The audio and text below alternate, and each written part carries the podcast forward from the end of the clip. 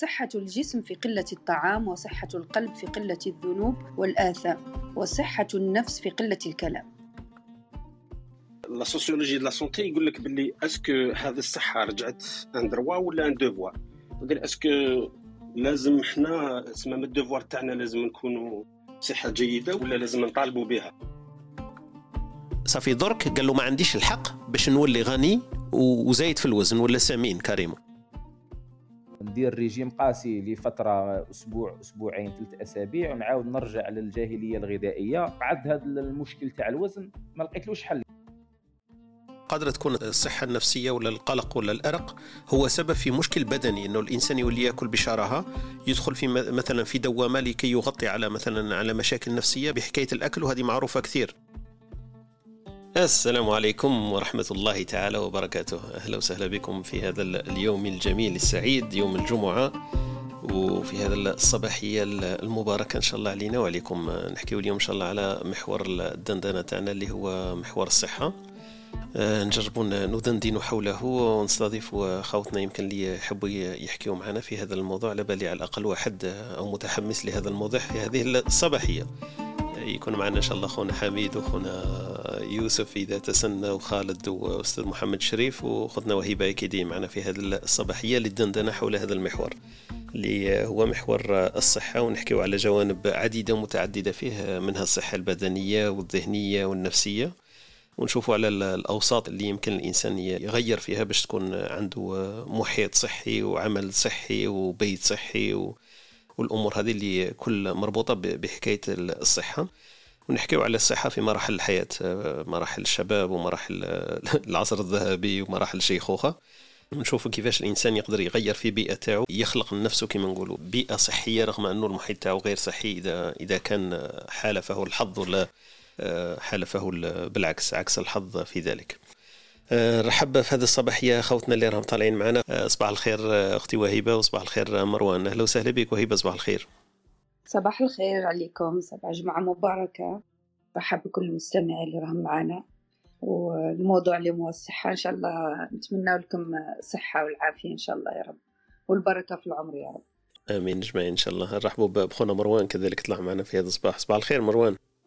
صباح الخير الله يسعد صباحكم جميعا. اليوم راني متحمس للموضوع هذا إن شاء الله عندنا ما نهضروا فيه. وشكرا لكم. إن شاء الله ربي يحفظك إن شاء الله. انت راك تقول لي متحمس بس متحمس. عندنا ديزاستيوس نعطيهم ولا عندنا تجربة تاع خونا مروان؟ لا كاين لا راح نحكي على التجربة تاعي إن شاء الله. آه voilà. التجربة تاعي إن شاء الله. آه voilà مليح. donc هكذا يكون عندنا des, des cas concrets هكذا نتقاسموها مع بعض إن شاء الله. تجربة من وحي الواقع إن شاء الله. بارك الله فيك خونا مروان. كما قلت نستناو بالك خونا حميد ولا خالد يقدر يطلع معنا في هذه الصباحية. sinon ندندن حول هذا المحور محور الصحة اللي هو أكيد محور مهم. والصفه هذه صفة الصحة مذكورة في عديد المواضيع حتى في ثقافتنا وكلش العقل الصحيح في الجسم الصحيح وصوم تصح و والأمور هذه معروفة إحنا في ثقافتنا العربية والإسلامية حتى. دونك لكن إحنا نطرقوا عليها يمكن من باب شوية براغماتي كما قال خونا مروان من جانب الواقع يعني ما نحكيوش بزاف في النظري لأنه الأمور هذيك المعلومة بالضرورة الناس قاعدين تعرفها لكن في الجوانب التطبيقية يمكن كيفاش الإنسان يغير في المحيط تاعو ولا في البيئة تاعو اللي عايش فيها حتى في العمل في البيت في الأمور الصغيرة هذه اللي تحيط الإنسان. وعنده يمكن كما قلت عنده إمكانية إنه يقدر هو يغير الواقع تاعو باش يكون واقع صحي ومحيط صحي. من هذا الباب نجربوا ندندن حول هذا المحور إن شاء الله. ننطلق في التعريف تاع خالتنا ويكيبيديا. في محور الصحة نديروها كأرضية ننطلق منها إن شاء الله في هذه الصباحية. الصحة في خالتي ويكيبيديا واش تقولنا؟ تقولنا باللي الصحة هي مستوى الكفاءة الوظيفية آه، والأيضية للكائن الحي. أما عند الإنسان فالصحة لدى الأفراد والمجتمعات وفقا لتعريف منظمة الصحة العالمية في إعلان المبادئ الرعاية بلا بلا بلا هي حالة في اكتمال السلامة البدنية والعقلية والاجتماعية. donc هذو ثلاث محيطات يمشوا مع بعضهم هي السلامة البدنية والعقلية والاجتماعية. وليس مجرد غياب أو انعدام للمرض أو العجز donc هذا تعريف مهم كذلك. مش برك أنه الإنسان ليس مريض فهو صحيح. هذا تعريف مهم. لكن آه، هذا التعريف تعرض لانتقاد كبير وذلك لتنافيه مع الحياة الواقعية خاصة مع استخدام كلمة اكتمال السلامة. وهو ما دفع العديد من المنظمات إلى استخدام تعريفات أخرى من بينها الصحة. هي الحالة المتوازنة للكائن الحي والتي تتيح له الأداء المتناغم والمتكامل لوظائفه الحيوية بهدف الحفاظ على حياته ونموه الطبيعي. donc شفنا باللي déjà في تعريفها كان شوية مشاكسات لغوية إنه الإنسان الغير مريض ليس بالضروره يكون صحيح. وعودوا صحوا هذاك التعريف وداروا هو اكتمال السلامة. الإنسان مجرد وجوده على الحياة إنه إنسان صحيح. لكن اكتمال السلامه هو التعريف اللي أضافوه. وتستخدم العديد من التصنيفات لتقييم مستوى الصحة في البلدان مثل مجموعة تصنيفات منظمة الصحة العالمية.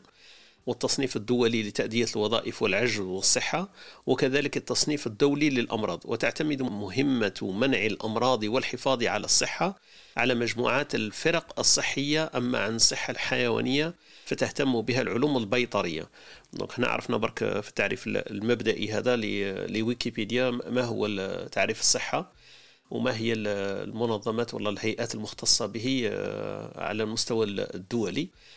في تعريف ويكيبيديا يروحوا بزاف التصنيفات تاع الصحة منها الصحة البدنية الصحة العقلية النفسية المهنية التغذية والرياضة هذه داخلة في أهداف المحافظة على الصحة وممارسة التمرينات والتغذية السليمة والجسم السليم والعلم والمجتمع والفرد هذوما كذلك من التصنيفات اللي داخلة في المحافظة على الصحة.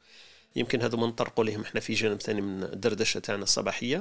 وفي هذا التصنيف يحكيو ثاني على الصحة الشخصية. آه، منها ومن بعد يروحوا لتعريفات واحدة أخرى أكثر شمولا وهي تعني بالمجتمعات ولا بالدول وين يحكوا على الصحة في ارتفاع عدد السكان في النظافة في التلوث آه، في المحددات الاجتماعية للصحة وأمور هذه اللي تلمس أكثر المجموعات يعني الدول أكثر منها الأشخاص.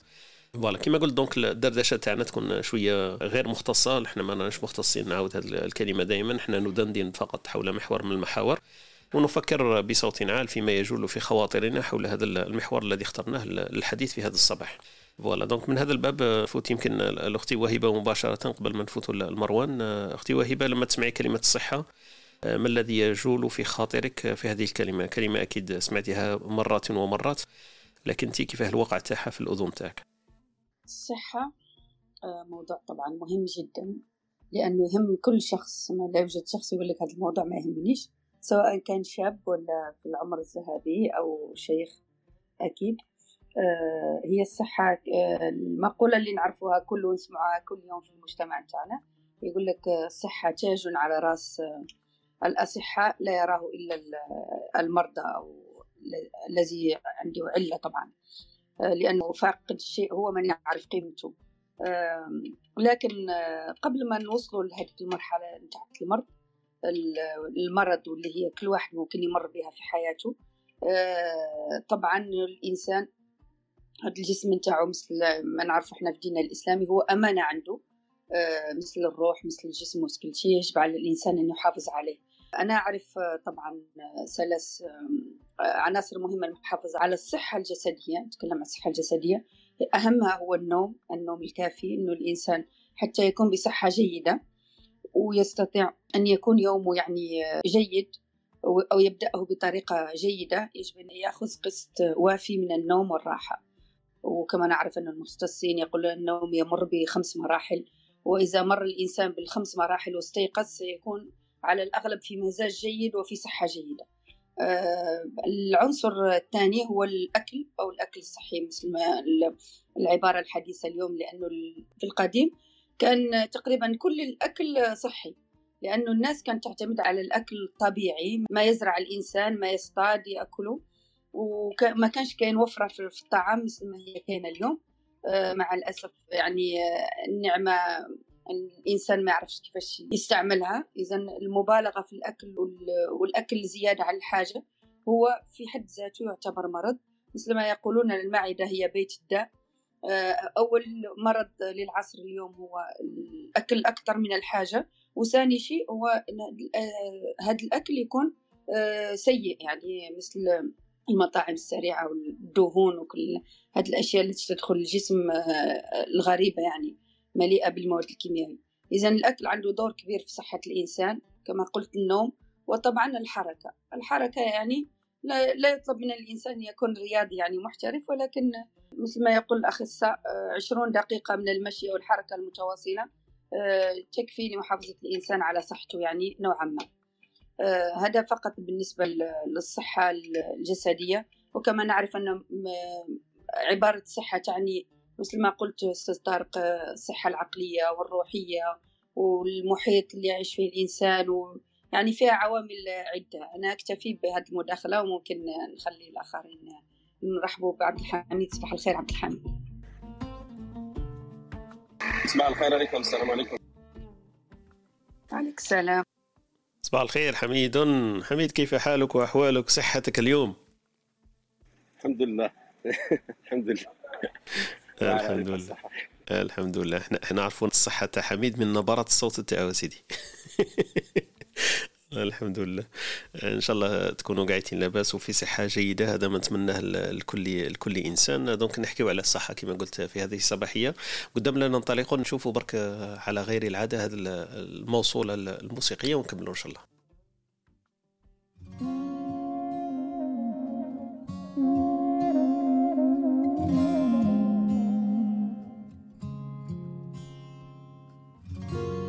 يا سلام. سيبنا الوقت يعدي أوام ما حسبناش اللحظة الجاية. ده اسمه كلام. عشنا العمر نربي حمام بس نسينا نقوم غية. وما يهمكش عادي اسمع مني السعادي مش وقت عتاب أو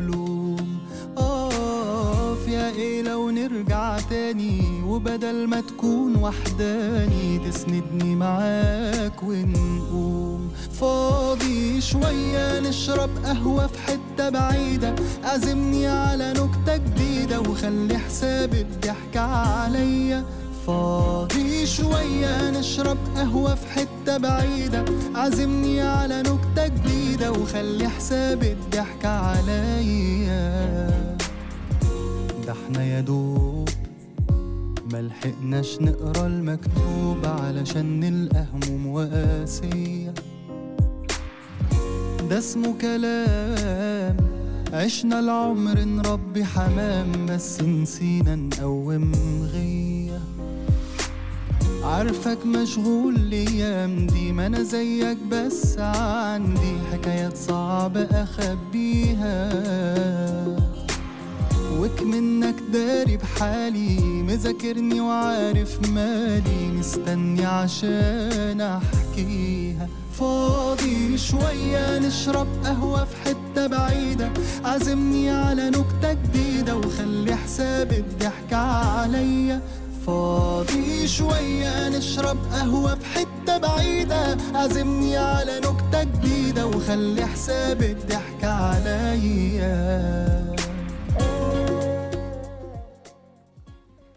voilà voilà هذا المقطوع كاين فيها سبعين صالحة وصالحة. الفكرة الأولى أنه أختنا وهيبة اقترحتها عليا.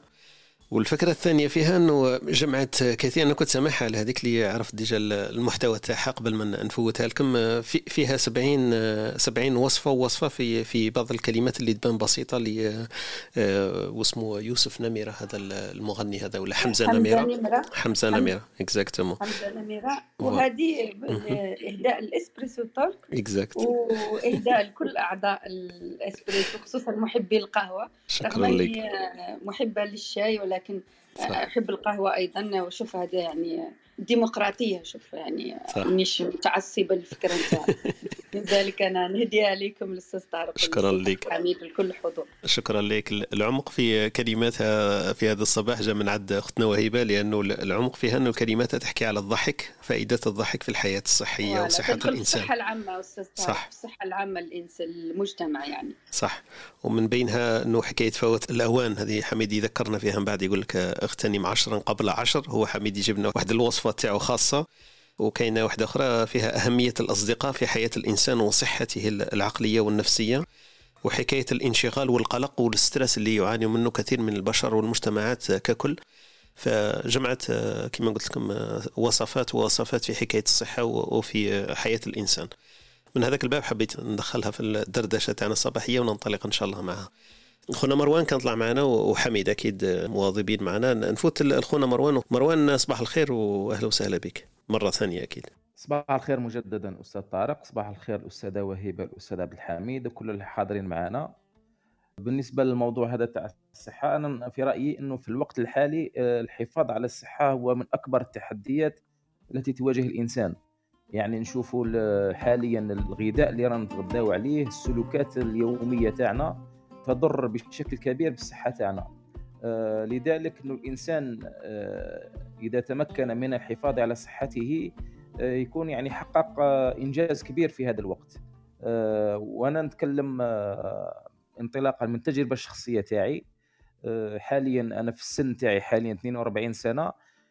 في الصحة تاعي نحس روحي أحسن من اللي كنت في في سن 30 31 32 يعني رغم انه اني نكبر ولكن بديت نحس في التحسن الصحه تاعي آه، لأنه دخلت في آه، تحدي هو التحدي عن التخلي عن السكر الأبيض.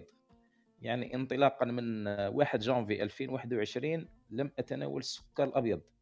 وشفت النتائج مبهرة على الصحة تاعي سواء في النوم آه، نتكلم على جودة النوم. ما قبل كنت ننام 10 ساعات تقريبا والنوض تعبان اليوم ممكن ننام أربع أو خمس ساعات النوض في قمة النشاط. ثانيا نقص عندي القلق والتوتر. بالنسبة للوزن وصلت في واحد السنة وصلت إلى 130 كيلو. حاليا كي تخلصت من السكر الأبيض حاليا راني في 96 يعني تقريبا آه، حسبوا شحال 34 كيلو. هذا بدون الرياضة يعني 34 كيلو فقدتها بمجرد التخلي عن التوقف عن تناول السكر الأبيض. وهذا التحدي إذا ممكن ندير واحد الإشهار بسيط راه كاين في إلى الإخوة يقدروا يطلعوا عليه راه كاين في الفيسبوك مجموعة أنشأناها اسمها حياة حلوة بلا سكر. حاليا هذه المجموعة راه تضم أكثر من 6000 عضو وعدد كبير منهم دخل في هذا التحدي والإخوة اللي راهم معنا إلى يحبوا يطلعوا على النتائج كان فيها نتائج مبهرة ونتائج مبشرة جدا يقدروا ينضموا إلى المجموعة. وكان التحدي الثاني اللي بدينا فيه مؤخرا هو التوقف عن تناول الخبز. يعني لأنه الخبز هذا اللي مصنوع بالفارينه وهذا ثاني أضراره لا تقل سوءا عن أضرار السكر الأبيض. حاليا هذا وش نقدر نقول ولا كاين نقاط أخرى نتكلموا عليها بعد. وشكرا. يعطيك الصحة أخونا مروان. آه، أهلا وسهلا بك في المجموعة تاعنا. مجموعة الناس اللي ما تاكلش السكر منذ سنين. جميل والله. أنا عجبتني المبادرة نتاع مليحة اكزاكتومون مروان. صح. يعني يعني إحنا مع الأسف يعني في الجزائر كشعب جزائري نتناولوا السكر يعني بزيادة في كل شيء. يعني حتى إنه الإنسان ممكن يشرب قهوة حلوة آه، مع قطعة حلويات رغم أنه يعني الإنسان كي يكون حاجة حلوة ما ما يذوقش من بعد حلاوة حاجة واحدة أخرى. لكن آه، هما مع الأسف يعني إحنا عندنا هذه الثقافة نتاع السكر زيادة في كل شيء حتى في الحلويات يعني المعايير العامة في البلد إنه كل شيء فيه زيادة في السكر. وإنه الناس تعتبر إنه الإنسان اللي ما يشربش السكر يعني كعموم يعني عند عامة الناس إنه مريض. لما تقول لهم ما نشربش السكر يقول لك عندك السكر عندك الديابيت يعني هم عندهم اوتوماتيكمون لما توقف السكر معناه إنك وصلت لمرحلة إنك مرضت. ولكن مع الأسف يعني هذه الفكرة وهذه مبادرة نحيوك عليها الأخ مروان يعني أنا نحب أي إنسان يدير مبادرة حسنة يعني لمساعدة الناس ولا لنشر فكرة جميلة والله. بارك الله فيك. وفيك بارك الله شكرا. هي بارك الإعطاء لكل ذي حق حقه. هو هذه المبادرة أطلقها الزميل الصحفي نجم الدين سيدي عثمان وحنا تبعناه. يعني هو اللي قائد المبادرة وحنا تبعناه و... ورانا نتبعوا فيه. وهو الفكرة تاعو إنه هو يخرجنا من الجاهلية الغذائية. هذه هي الفكرة تاعو الهدف الأساسي تاعو إخراجنا من الجاهلية الغذائية. وبارك الله فيك. أنا راح اسمحوا لي نقاطعكم ولكن تحمست مع الأخ مروان ولكن راح نفتي لك نقول لك الأخ هذا اللي يعني هداد المبادرة ويدخل في باب من سن سنة حسنة يعني أكيد أكيد يعني شكرا لك. ملي عجبتني هذه الجاهلية الغذائية. مليح هذه المصطلح. المصطلح هذا رائع رائع جدا. مصطلح هايل. خويا مروان انت نبهتني لواحد الحاجة على قلت لك أهلا وسهلا بك في الفريق. أنا صح أنا أنا من الناس اللي ما يأكلوش السكر منذ يمكن 15 سنة. مش قداه حبست السكر صح؟ ما نأكلوش. وكي نقول لك ما نأكلوش صح؟ لا في القهوة لا في الحليب لا في والو. وأنا زدت معاه أنا بلا إفتاء اختنا وهبه أنا الملح ولا السكر لحقت يمكن 30 سنة ولا هكذاك حبستهم في زوج أكثر. لأنه صح الكارثة أنا اللي صرات لي الشوك إنه كنت كيما نهبط الجزائر نشوف الناس كيفاه يديروا السكر ويديروا معاه شوية قهوة مش بالعكس. وكي نقولها يعني صح عن قصد يدير ربع مغارف في, في نص فنجان تاع قهوة تعرف باللي صح الكوارث الصحية اللي راهي صايرة. صرا لي أنا واحد الشوك منهم وليت كاع ما والشوك الثاني اللي صرا لي عندي واحد القصة شوية شخصية بعد نحكيها لكم يمكن. إنه عندي الأخت تاعي أنا مريضة بداء السكري.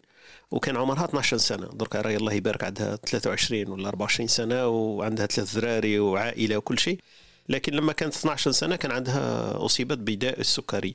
فال choc الأول جاني من هذيك صح الفاجعة كيفاش واحد صغير 12 سنة يصاب بالمرض. لكن من بعد وأنا عرفت باللي السكر هذا c'est vrai ما, ما يزيد ما ينقص وكي نقول لك درك عندي 15 سنة ولا أكثر ما 2010 ولا 2007 ولا مش عارف ما, ما نشربش السكر والمجتمع هنا يساعد شوية صح؟ سويسريين عندهم. العقلية تاع السكر ما كانش لما تدخل في قهوة ما يعطيكش ربع حبة تاع سكر يعطيك واحدة إذا كثر. وحتى في الأكل تاعهم ما يستعملوش السكر كثير. والفكرة مليحة اللي عجبتني تاع خونا مروان إنه قال لك توقف عن أكل الخبز.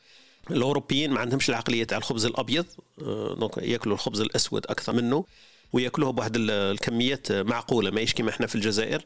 لكن فما شوية صعوبة في الجزائر لأنه الظاهرة الغذائية ولا كيف سميتها أنت قبل الجاهلية الغذائية؟ الجاهلية الغذائية. إيه voilà. عندنا إحنا واحد المشكل في حكاية المستوى المعيشي ثاني ما نقدرش نعوضوا الخبز بأمور واحدة أخرى. ما تقدرش تقول الإنسان كل بطاطا ولا كل روز ولا كل ما عارف الأمور النشوية اللي تقدر تعوض الخبز الناس مساكن الله غالب المستوى المعيشي. يأكلوا الخبز ومعاه حاجة يلا. donc هذا هو المشكل تاع ما نقدرش إحنا نحتموا على الناس. لكن تختلف طبقات تاع الناس. أكيد مش الناس قاعدين محتومه على أكل الخبز وهو القاعده الغذاء تاعنا اللي نعرفوه عند العائلات الجزائرية المعروفة بها. وهي ظاهرة الخبز معروفة عند الميديتيرانية كامل. لو تنزل عند الإسبان والإيطاليين تلقاهم يأكلوا الخبز لكن الخبز اللي كان صحي في يومنا هذا تعوض بزاف. وهو خبز الفارينة اللي حكيت عليه أنت الأبيض هذاك آه، نشويات في نشويات. لكن كما قلنا نراعوا شوية القدرات تاع الناس والحياة تاعهم كيفاه تدور في هذيك البيئة وهذاك المجتمع. voilà voilà. أكيد ندندنوا فيها مطولا هذه الحكاية تاع الغذاء وأهمية الغذاء. هو جانب من جوانب الصحة اللي عرجت عليه أختنا وهبه قبيل هي حكاية الصحة النفسية والصحة البدنية وصحة العمل وصحة البيت. الأمور هذه كامل نروحوا لها والغذاء هو يمكن ثاني الأمر الملموس الأكثر يمكن في حياة الإنسان. النقطة اللي قلتها أن ثاني أختنا وهبه قالت لك المعدة هو بيت الداء وبيت الدواء مازال ما قالتوا لنا شو دونك ندندن في هذا الباب إن شاء الله. نرحبوا بخونا حميد آه، ومعنا وخوتنا اللي راهم تحت أهلا وسهلا بكم. إذا عنده مداخلة ولا تجربة يشاطرنا ولا يقاسمها معنا أهلا وسهلا بكم. حميد صباح الخير مرة أخرى وصباحك صحي إن شاء الله. صباح الخير السلام عليكم. vraiment يعطيك الصحة مروان fort بزاف كاع ما شاء الله.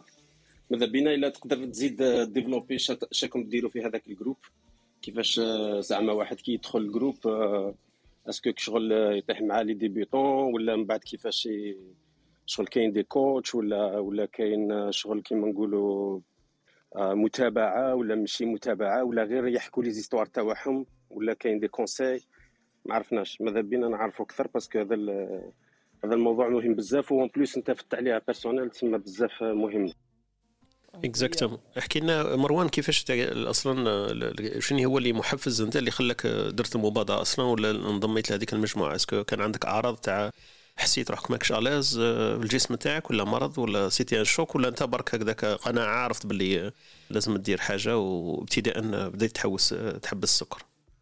لا هي البداية كانت بأعراض زيادة تاع الوزن بديت نحس بأعراض وليت نروح للأطباء الطبيب أمراض القلب آه، يعطي لي تحاليل يلقى الكوليسترول طالع يقول لي لازم دير ريجيم. درك حنا آه، ندير ريجيم قاسي لفترة أسبوع أسبوعين ثلاث أسابيع ونعاود نرجع للجاهلية الغذائية. بعد هذا المشكل تاع الوزن ما لقيتلوش حل. يعني صراحة ما لقيتلوش حل. الإنسان يمارس رياضة فترة يعاود يحبس يلقى روحه في نفس الدائرة يدور غير في ما كاش نتيجة ملموسة.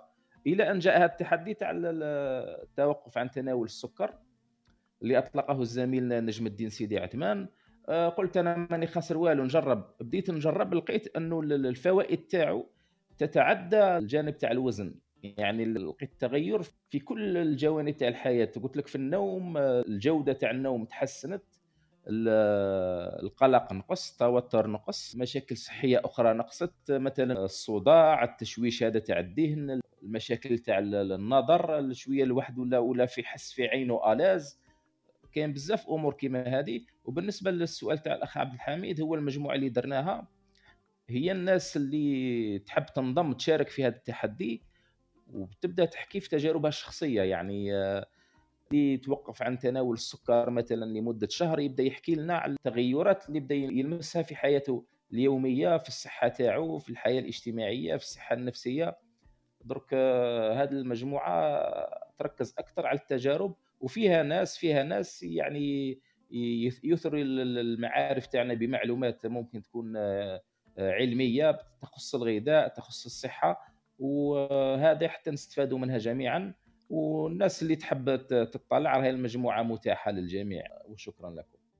يعطيك الصحة أخونا مروان. بعث لي بعد الرابط يمكن تاع المجموعة تاعكم هذه على الفيسبوك نديروا يمكن في ال show notes لما نحط البودكاست أونلاين. زي باش الناس يعرفوا directement. بارك الله فيك. يعطيك الصحة أخونا مروان. أه حميد أه واش تحكي لنا على الصحة أنت عندك أه أنت عندك ثاني فيها تجربة في هذا الميدان. تحب تحكي لنا شوية عليها؟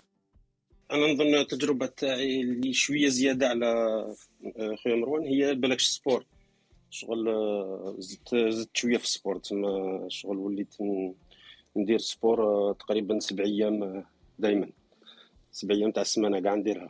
بعدك نقصت شوية وليت ندير ست أيام. mais quand même شغل parce que كاين ال côté تاع الريجيم وكاين ال côté تاع transformation راهم يحكوا عليها. c'est-à-dire باش إنسان يرجع vraiment واحد آخر تقريبا par rapport للأكل. يبدأ يشوف صوالح آه، ماشي بنفس النهم وهذا كما كان يشوفها من قبل.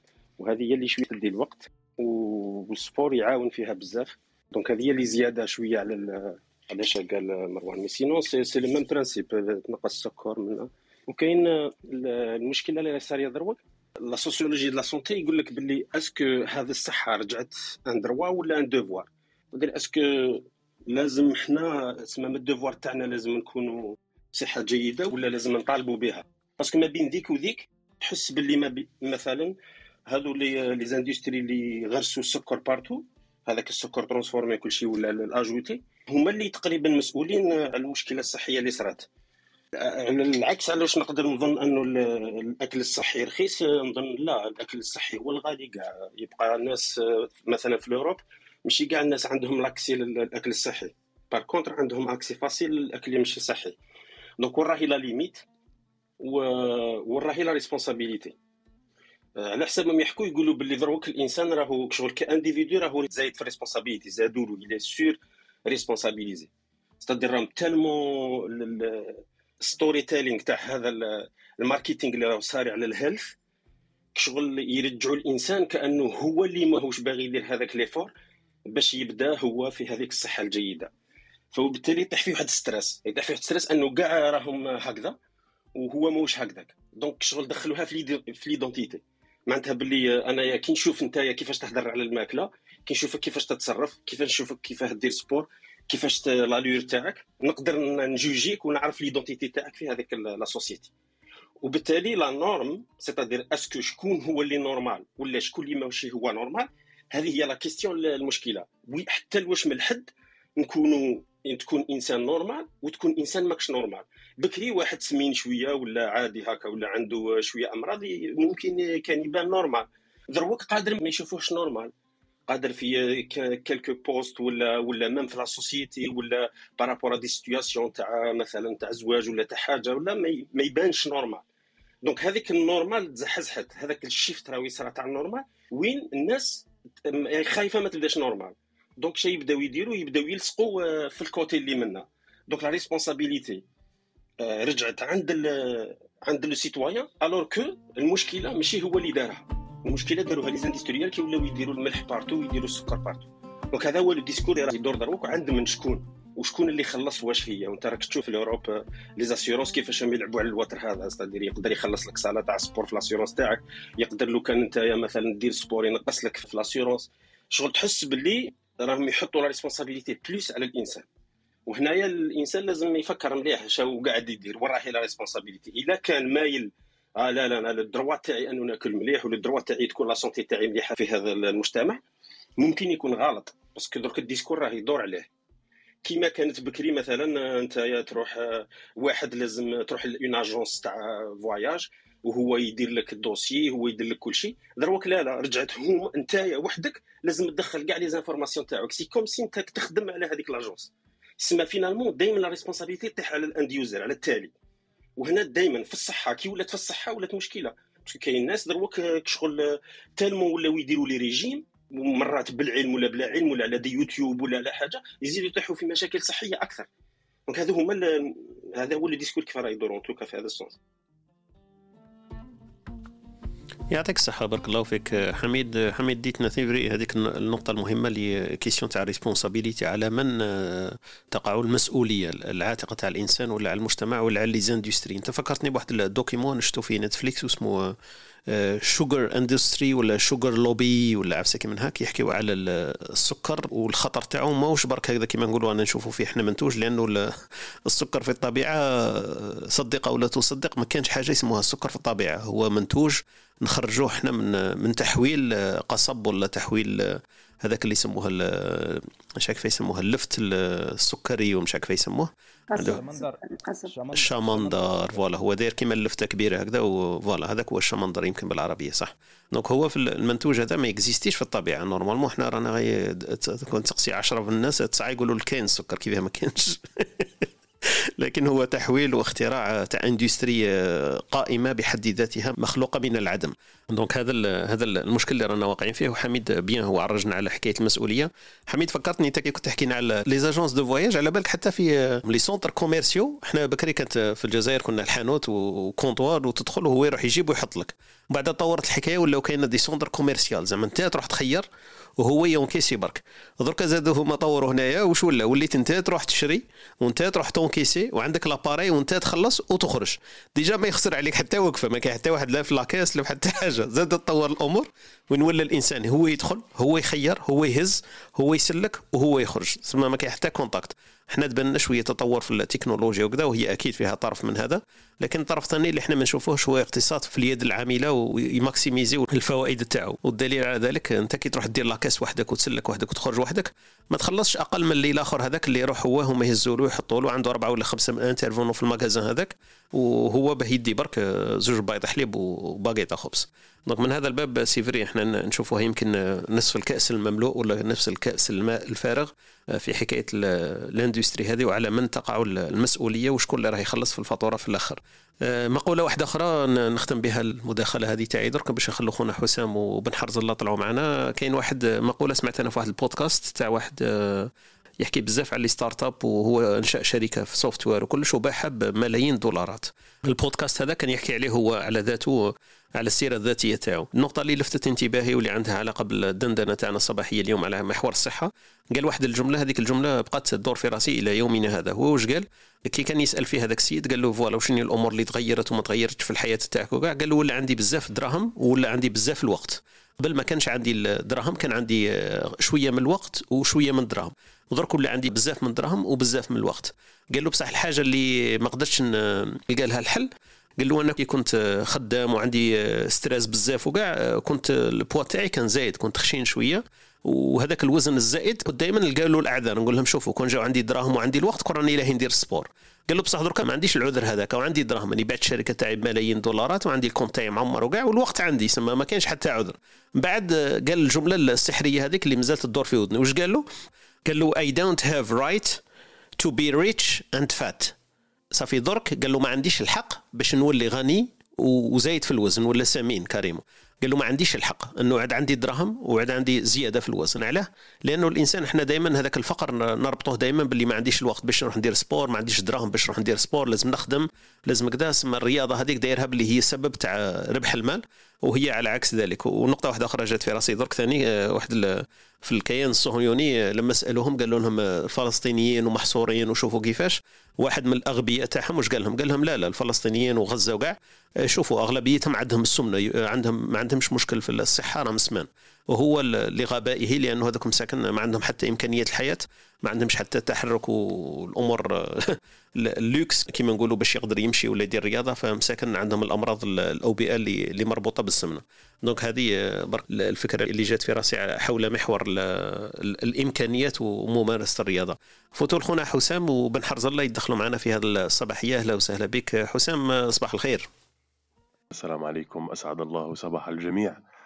آه، موضوع الصحة موضوع هام جدا. حبيت ندير مداخلة فيما يخص آه، كلام الأخ مروان يعني آه، أعطانا مصطلح جميل جدا وهو مصطلح الجاهلية الغذائية.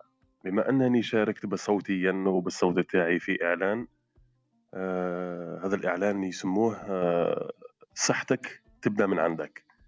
يعني أنت المسؤول عن الصحة أو أنت المسؤول عن صحتك. مصطلح الجاهلية الغذائية كلنا عانينا منه صراحةً، لأن الجاهلية الغذائية ماهيش في السكر والملح فقط، حتى في الماء، يعني الماء لما نحطوه في قارورات بلاستيكية فنحن نشاركوا يعني في إماتة الماء أو في يعني أنه الماء يصير ميت، العكس أن نحطوه في الطين مثلًا، لما نحطوا حمية غذائية على السكر أو على الملح أو على هذه الأشياء جميلة جدًا، لكن هنالك أيضًا كما كنا كان يقول خويا عبد الحميد ال bio أو الغذاء الصحي. نعم. إحنا ما عندناش ثقافة ال bio إحنا نغدو نشرو الطماطم هذيك اللي فيها ما على بالي شواش ونخلو الطماطم ال bio مثلا ما يعجبنا الشكل. أصبحنا نتكلفوا كثيرا. أه مصطلح الجاهلية الغذائية أيضا يدخل في استعمال الثلاجة. الكثير من العلماء أو من الخبراء في التغذية الصحية أو في التغذية أه ينهوا يعني عن وضع كل المنتجات في في الثلاجة لأنها ستفقد القيمة الغذائية اللي أنت أصلا شريتها على خاطر القيمة الغذائية تاعها. يعني ما الفائدة أنك تشريها على جال القيمة الغذائية تاعها وتروح تحط هذاك المنتج في الثلاجة ليفقد تلك القيمة أو تلك السعرات الحرارية اللي غادي تستعملها. يعني كلنا عانينا من هذا المصطلح. أنا مؤخرا خويا طارق يعني آه، استفاديت من الأخ محمد الفايد ما شاء الله. يعني هو رائد في هذا المجال. وهنالك أيضا طبيب جزائري لمن لا يعرفه اسمه طه قدي. طه قدي الموجود في مدينة سانتامور الفرنسية. ما شاء الله هو خبير في الأحياء الدقيقة وفي التغذية. والصحة ما تروحش إلى النظام الغذائي فقط حتى في نظام le style de vie كيما إحنا نقولوا في نظام العيش تاعك OK؟ آه، مثلا يلاق تمشي حافيا في الشواطئ مثلا باش هذوك الشحن الكهربائية تروح لك مثلا. الشحن الكهربائية لما تمشي حافيا. مثلا وسمحوا لي يعني الموضوع أيضا في الدين لما الإنسان يسجد هذوك الشحن السالبة كلها تهبط منه. إطالة السجود المشي حافيا هذه الأشياء قاع صحية. يعني تنجموا تطالعوا على الأخ طه قدي راه عنده une page Facebook وعنده قناة في التليجرام اسمها أيضا طه قدي مكتوبة باللغة الفرنسية. يعني يتحدث في هذه الأمور كثيرا لأننا الآن أصبحنا في عالم فيه الشحنات الكهربائية والحقل المغناطيسي بزاف. الويفي اللي إحنا نحسبوه سهل بزاف كاين منظمات في أوروبا. كيما المنظمة هذه اللي داخل فيها ولا الجمعية اللي داخل فيها خونا مروان. نعم خويا طارق تفضل. لا لا واصل. أنا حطيت برك المقطع هكذا باش نكسروا شوية الهدوء هذاك اللي ساد منذ 20 دقيقة فواصل موسيقية برك. أنت كنت تحكي على الحكاية المؤثرات تاع المغناطيس والأمور. هذه هذه صح كاين كما نقولوا صح منظمات تنهي عليها لكن عكسها ثاني كاين إنه ليس هناك دليل ملموس. Donc من هذاك الباب ما نحبوش نروحوا في في الأمور التي ليست كما نقولوا مدقق فيها ولا مبرهن عليها. فأكيد كاين ناس ما تستعملش الويفي لأنه تخاف منه كاين ناس ما عندهاش الويفي. هنا نعرف أنا عائلات هنا في عند السويسريين حتى ما يستعملوش الويفي في البيت خايفين من المغناطيس وما عندهمش ال micro-ondes. البارح برك كانت عندي contact مع واحد الشخص كيما هكا. آه، قال لي لما نكمل الانترنت نطفي الويفي. أنا ضحكت. قال لي نحي الموديم وخايف من المغناطيس وخايف من هذه الأمور. آه، لكن آه، voilà فيها ما يقال هذا الباب صح؟ مانيش أن ندخل برك في التفاصيل لأنه ما عندناش المعلومات الكافية برك. معليش أنا أنا تأكدت في هذا الباب. يعني كاين تجربة حطوا بذور تاع تاع حمص. بذور تاع حمص يعني حبة الحمص هذيك داروها باش يديروا الإنتاج تاعها. وحطوا وحدها مودام شاعل. وحطوا مودام طافي وحطوا وحده نفس البذور يعني. البذور اللي حدا المودام الشاعل لم تنتج يعني ما, ما تمش الإنتاج تاعها. لكن البذور اللي حطوها بجانب المودم وهو طافي انتشت بصفة طبيعية يعني. عادي خرجت البذرة هذيك تاعها خرجت النبتة هذيك عادي. زي زي إحنا ما بذور حسام. والله عندها تأثيرات يعني خاصه وأننا تعرضنا لبعض التلقيحات اللي فيها des métaux lourds راهم في ال corps تاعنا وأننا نتناول شفت كيفاش؟ إحنا نفضل درك ندخلوا في ندخلوا في ال domaine اللي مش تاعنا حنايا non non آه، شوف آه، نحكيو على الصحة صح ولكن ما نروحوش في الجوانب اللي ماناش تخصص تاعنا. معليش إلا يكون معنا واحد متخصص في هذاك ال domaine وكلش معليش. لكن إحنا مش متخصصين نحكيو برك على الجانب الصحي. وكما قلت الطريقة اللي قبيل حكيت عليها إنه أسلوب حياة هذيك style de vie صح مهمة لكن الأمور اللي كما نقولوا إحنا ما عندناش فيها علم كافي ما نقدرش ننظروا فيها ولا نعطوا فيها صح توجيهات لأنه علم كما قلت ليس مؤكد في شيء. Donc تبقى نظريات فقط. voilà voilà أستاذ طارق فقط تعليق على الأستاذ حسام في كلمتين. يعني إذا كنا راح ناخذ بعين الاعتبار كل هذه المؤثرات الغير طبيعية على حياتنا راح نلقى روحنا يا نعيشوا في كوخ في غابة. معزولة أو في خيمة في الصحراء لأنه كل شيء محيط بنا مضر يعني تقريبا في حياتنا الحالية الحديثة. لا بدون لكن تفصيل يعني بدون تفصيل. صح صح. لا لا هو كاين واحد التجربة على نطاق أوسع من المخبر هي اوروبا وأفريقيا. أفريقيا ما عندهمش الويفي وما عندهمش satellite وما عندهم والو وما عندهمش تليفونات بكثرة كما كاين ال densité تاعها الكثافه تاعها في أوروبا. لكن شوف الأمور اللي راهي صحية في أوروبا ولا في أفريقيا تقريبا متقاربة. عندهم السرطان عندنا السرطان. عندهم الأمراض عندنا الأمراض. Donc من هذا الباب لو كان الأمر صحي كان يقاس يعني بمقياس واحد آخر. كما قلت أنا ماشي حاب ندخل في هذيك الأمور التنظيرية اللي تبقى وجهات نظر وأفكار. الأفكار لا تناقش لكن واحد مقتنع بفكرة يقدر يطبقها على كيفه. لكن المشكل برك إنه كما قلت لك إحنا لسنا بمجال اختصاص وما نقدروش نفتيو في أمور ليس, لدينا بها علم. من هذا الباب أنا ما نحبش كما نقولوا نروح فيها بعيد. حتى عندي يمكن قناعات لكن ليس المنبر لإفشاء كل ما يدور في في رأس الإنسان من أفكار. لكن الإنسان حر أنه يفكر كما يريد. هذا من هذا الباب برك. يمكن حسام حب حب يعطينا يمكن وجهة نظر تاعو. صح نرحبوا به وأهلا وسهلا به. كمل حسام إذا عندك ما تقول. نكمل فقط الأستاذ طارق. يعني في تروازيام شابيتر واللي هو ممارسة الرياضة. يعني ممارسة الرياضة هو شيء هام جدا. كما قال خويا عبد الحميد ماذا بيك يكون عندك يوميا فقط 45 دقيقة تمارس فيها بعض الرياضة باش حتى تحصل على حياة صحية. هذا أقل يعني ما, ما يمكنك أن تنتفع به. 45 دقيقة في اليوم فقط يعني كور تاع 45 دقيقة تمارس فيها الرياضة حتى تكون أيضا حياتك صحية. ويحدث يعني آه، تحويلات كما قال الأخ عبد الحميد. ماشي في الكوتي تاع الماكلة برك في الكوتي تاع تحويلات الطاقة يكون عندك تحويل في الطاقة سليم وكذا وكذا وكذا. جزاك الله خيرا خويا طارق. الله يبارك فيك. شكرا خويا طارق. بارك الله فيك حسام. يشرفني ويسعدني ذلك. أهلا وسهلا بك في في كل وقت في كل مكان وزمان. أهلا وسهلا بك.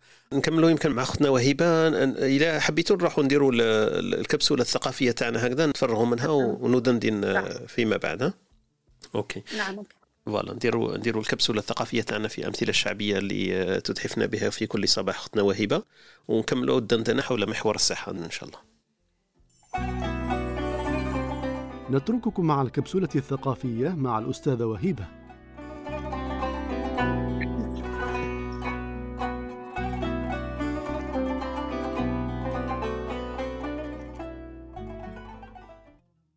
السلام عليكم. وأعد الترحيب بكل المستمعين وكل الحضور معنا. بالنسبة للكبسولة الثقافية اليوم كالعادة عندنا حكم نبدأ بها قبل حبيت نتقاسمها معكم كالعادة. يقول لك صحة الجسم في قلة الطعام وصحة القلب في قلة الذنوب والآثام وصحة النفس في قلة الكلام. إذن هذه مقولة للأصمعي. آه هناك كذلك مقولة تقول آه هو مثل إسباني يقول ما يشفي الكبد يمرض الطحال.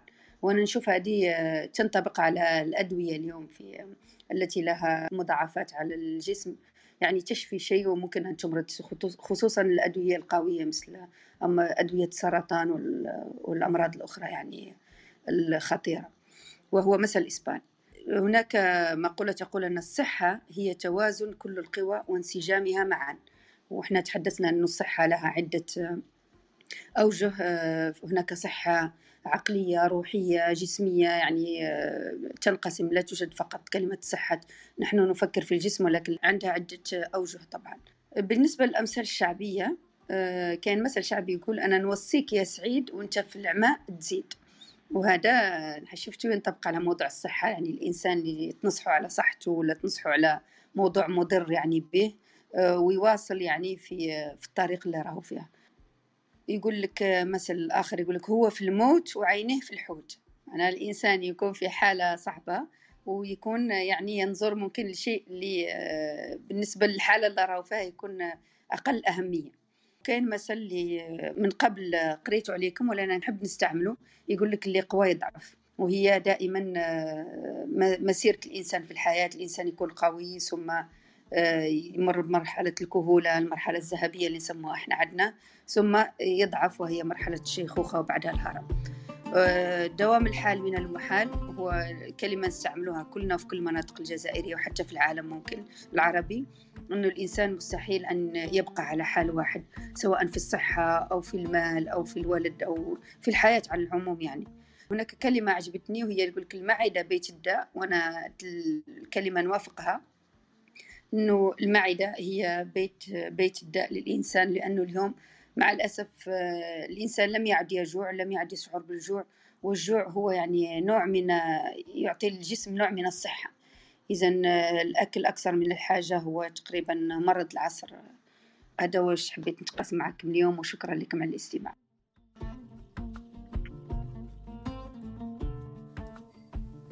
بارك الله فيك أختي وهبة. مازال ما سمعتش الفاصل اللي يجي بعد المعدة هي بيت الداء والجوع هو بيت الدواء ولا شنو هو بيت الدواء؟ آه، أنا نظن بيت الدواء هو دماغ الإنسان لأنه هو اللي يسير كل شيء. آه OK. الحالة النفسية نتاعو ولا الحالة الجسمية. لأنه كما قلنا الصحة فيها جانب نفسي جانب روحي. إذا فكره وعقله يعني بيت الدواء على ما أظن نديروا الصيام سيدي ما نديروش الجوع. أنا نقول في الدماغ ولا في العقل ولكن اللي حب يعطي رأي واحد آخر يتفضل طبعا. أنا نجتهد ونقول المعدة هي بيت الداء والصيام هو بيت الدواء سيدي. نعم، نديروها صيام ونشوفوا صيام على أشياء. يمكن صيام على السكر ولا صيام على أشياء واحدة أخرى وخلاص.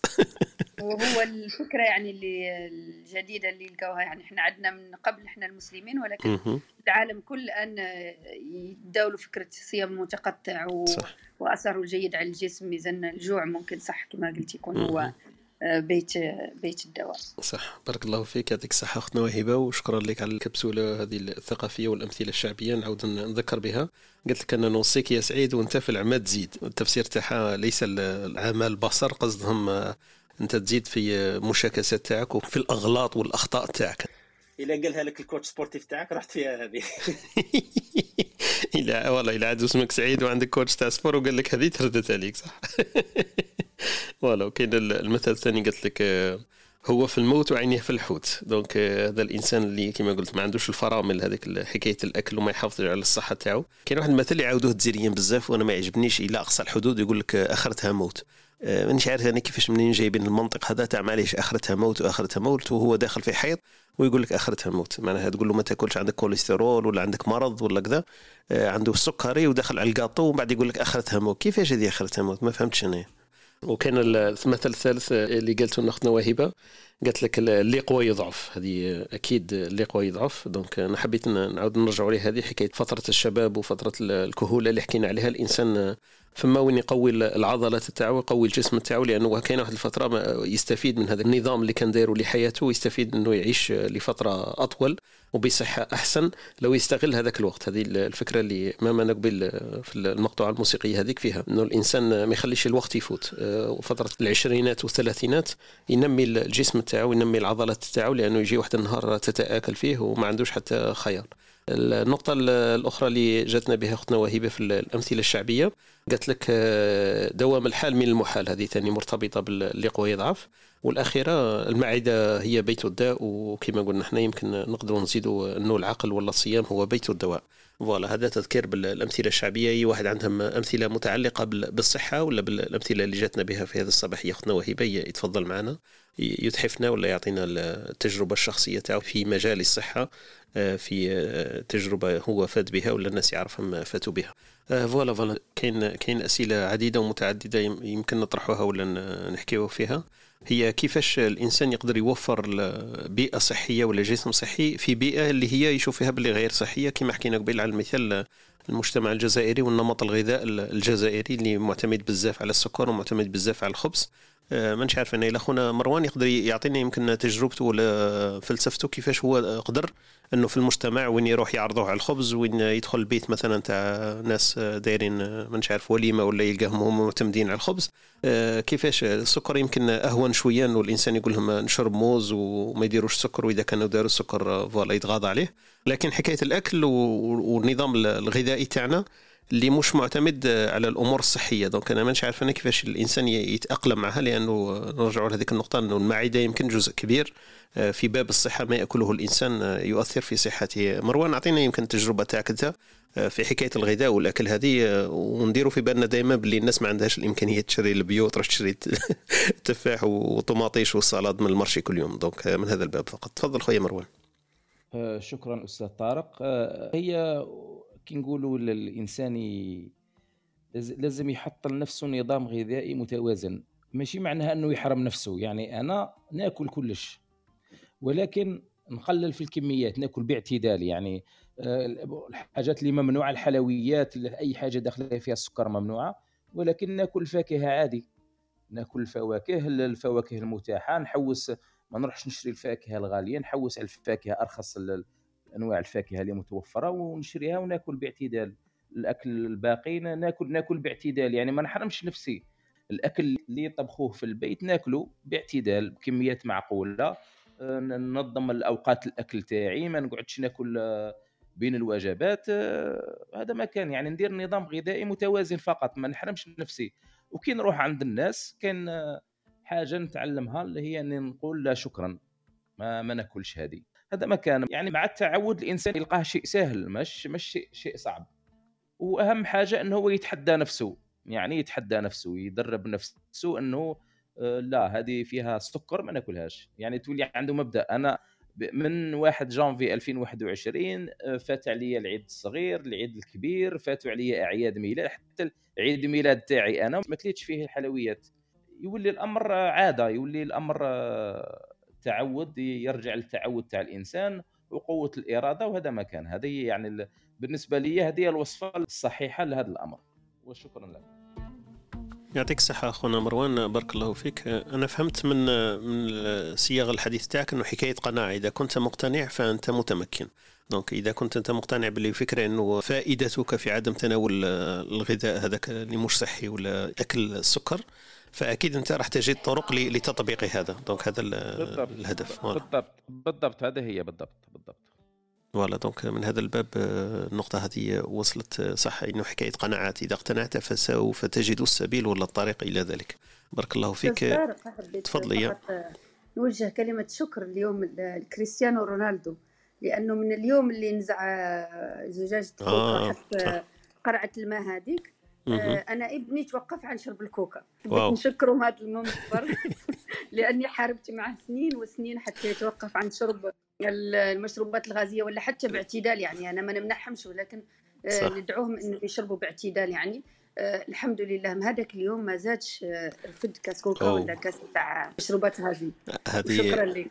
هذه نقطة مهمة بعد نحكيو عليها نديرو يمكن موضوع حكاية ال influenceurs والتأثير تاعو. لا هذا واش حبيت تأثير الغرباء أكثر من voilà. الأقرباء. هذا هو التأثير نتاع المؤثرين نتمنى. يقوموا بدورهم يعني خصوصا في بالنسبة للأطفال. صح. non هذه نقطة مهمة. أنا يوم شفت هذيك الحركة ولا هذاك ال geste عبرت عليه بطريقتي قلت لهم 20 سنتيمتر. كلفت ثمن ملايين ولا ثمن ملايير في في بورصة تحركت الشركة تاعهم ب 20 سنتيمتر من حركة يده زعزع بورصة ال- الكوكا كولا بأكملها بملايين الدولارات donc voilà صح. هذا كما قلتي نقطة مهمة أنه الإنسان يعمل هذيك الالتفاتات الصحية في حياته والتغييرات الصحية لكن صح هي المؤثرين يلعبوا دور كبير يتأثر الإنسان بما يفعله الآخرون. وإحنا رانا متأثرين أكيد لما تشوف واحد جسم تاعو صحي والعقل تاعو صحي فأكيد تحاول تربط نفسك به وتعمل هذاك الإسقاط هذاك لو كنت مكانه لكان حالي أفضل ولا كانت صحتي أفضل وكل شيء. باش ما نطيلوش برك على خونا بن حرز الله طلع معنا. خونا عبد الله في هذه الصباحية وخديجة كذلك دخلوا معنا. نفوتوا لخونا حرز الله وش يحكينا على محور الصحة في هذه الصباحية. تفضل بن حرز الله السلام عليكم صباح خير صحيتي وهيبة حميد طارق. حسن الله يسلمكم بارك الله فيكم. ال sujet هذا تاع الصحة تقريبا راكم هدرتوا كلش ما كان له الواحد يعاود له كيما يقول لك الهضرة اللي هدرتوها. أنا نشوف ثاني الآخر باش الإنسان يحافظ على صحته لازم kind of motivation لازم حاجة كي تشجعه باش يحافظ على صحته. و malheureusement في وقتنا إحنا لو كان ما تضربش كيما يقول لك لو كان ما يكونش ال motivateur هذا لو كان ما يكونش آه، سلبي ما التاثير تاعو يكون قليل. كي كنت ال- ال- الآخر ال motivation هذيك positive يديرها لوقت واحد une fois la motivation هذيك تروح عليه يعاود يرجع لعاداته. بصح إذا الإنسان par exemple مرض ولا شاف واحد عنده مريض وبعد الشر مات ولا حاجة ولا صارت فيه حاجة ولا par exemple ولا مهدد في الخدمة نتاعو إنه إذا استمر في الظروف الصحية هذه راح كيما يقول لك يفقد ال- ال job تاعو. في الحالة هذيك là là الإنسان يتحرك صح. فاهمين كيفاه بالنسبة للهضرة تقريبا كاع هدرتوها ال- ال- العبرة ماهيش برك في la qualité ولا ثاني راها quantité qualité تنظيم الوقت تاع الماكلة هذيك. راها قاعدة تلعب دور في الحالة هذه. وحتى ال sport ثاني ال sport ثاني الإنسان كي يدير sport اللي يناسبه هو. ماهوش n'importe كيما يقول لك ال sport يبدا فيه يدير فيه وخلاص. راك فاهمين كيفاه. آه لازم آه، كيما يقول لك استشارة مع nutritionniste وثاني لازم مع واحد تاع sport ولا حاجة باه يوريه exactement les sports اللي يصلحوا له. tout dépend كيما يقول لك المرض اللي عنده ولا l'objectif اللي حاب يحققه في الصحة نتاعو. هذا هو. تقريبا راكم هدرتوا كلش ما كان لا الواحد يعاود الهضره اللي هدرتوها ويعطيكم الصحة وبارك الله فيكم على les sujets اللي راكم ديروا فيهم. آه، بن حرزلة كان ال- الغداء صحي؟ والله ما نكذبش عليك أنا عندي الحمد لله المرأة docteur vétérinaire راك فاهمه كيفاه يتم مستحفظه على الموضوع هذايا. درك إحنا الطعام par exemple الجمعة هيك لازم آه، كي تعرفي comme famille الجيريان لازم نديروا الطعام. رانا كنا نديروه مرات إيه نديروه ب... الطعام تاع الآخر باللحم الغنمي ما نديروهش بزاف برك مرة في الشهر برك ولينا نديروه. آه، نديروه مرات بال- بالدجاج ونديروه تقريبا مرتين كما يقول لك مع بعضهم بالحوت وشني نبدلوا الحوت. chaque fois نديروا نوع تاع حوت وشنو حاجة ال quantité نcontrôlerوها وحنا ثاني العشاء الروبا تاع العشاء ناحينها كاع كيفاه ما ن- نتعشاوش اليوم برك الجمعه نتغداو شوية بكري الوحده الزوج من بعد مع الربعه الخمسه هكذاك نشربوا قهوه خفيفه وخلاص هذا واش كاين باقي الأيام أنا كي نخدم من السبعه لثلاثه تاع العشيه في الخدمه ما ناكلش كاع ما ناكل والو نرجع ثلاثة ونص الربعة نتغدى مع الدراري هذاك وغدا عشاء وخلاص هذا هو الريجيم اللي رانا دايرينه الحمد لله ما عندناش excès de poids في زوج.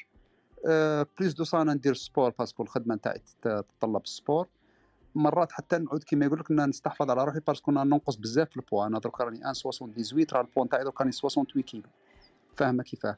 مرات نضطر أني ناكل شوية زيادة باه نقعد محافظ على البوا هذا. مرات نهبط حتى ل 66 65 على بالك يولي تقريبا نولي ناعيه ونولي ما نقدرش نخدم مليح. هذا هو. بارك الله فيك خونا حرز الله.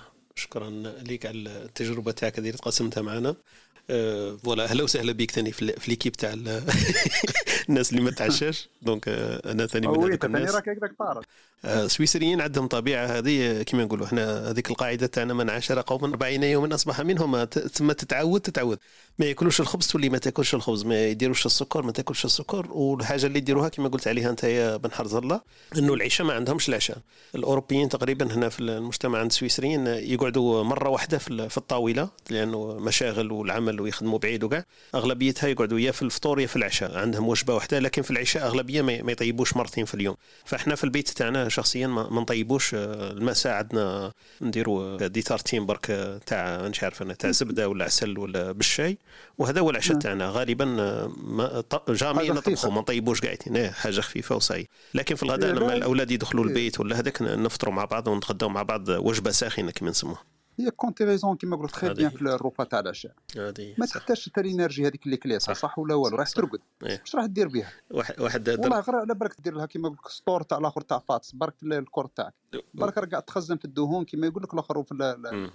الجسم نتاعك ومن بعد تمرضك تنوض على بالك الصباح تنوض لاباس بيك تنوض على بالك مش متعشية تنوض خفيف لاباس بيك. صح. تفطر الفطور هذاك الخفيف تاعنا تاع الصباح راك فاهم كيفاه تروح للخدمة تلقى روحك والله غير bien هاي. صح تنوض متحمس باش تفطر على بالك. والله ما نزل عليك surtout اذا كليت روبا كيما يقول لك آه، واش. اسمها هذيك اللي فيها.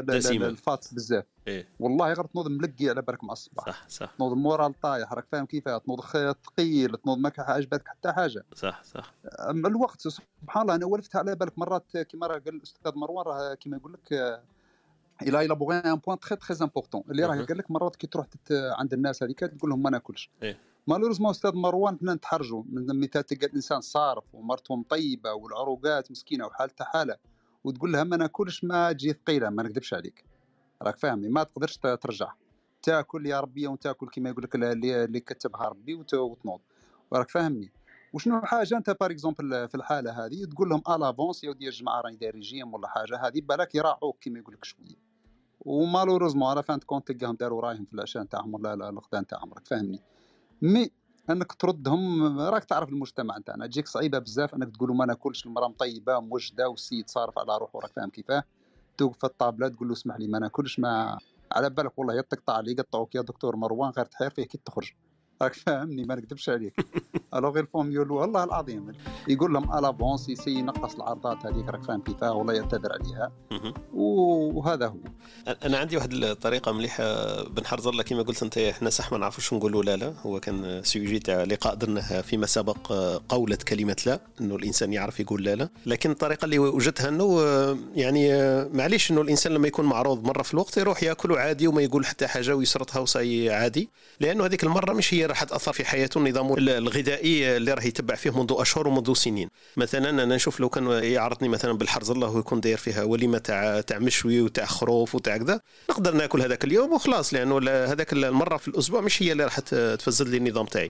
المشكل إنه لو كانت تتكرر هذيك العرضات والولائم وكل شيء هذاك فيها مشكل صح؟ من هذا الباب صحنا العادات والثقافه تاعنا شوية تلعب دور إنه الإنسان ما يعرفش يقول لا لا. فهذه شوية طريقة يمكن الواحد يجد لنفسه مخرجا آه، حكاية العزومات والعرضات بصح ما لازمش يكون كل يوم يعرض وهذاك تولي مشكل من بعد. لا لا على بالك عندنا إحنا إمام مسكين كل يوم يفتح الناس وكل يوم في حضره الجماعة تاع الصبح إذا كنت إمام الله يعينك. يا خويا طارق كيفاه. ولا مسكين على بالك. والله ما عرفته هذه المرة وجون أنا زايد. وقت مش كبير بزاف 73 74 إيه. والله ولا شيخ كبير مسكين.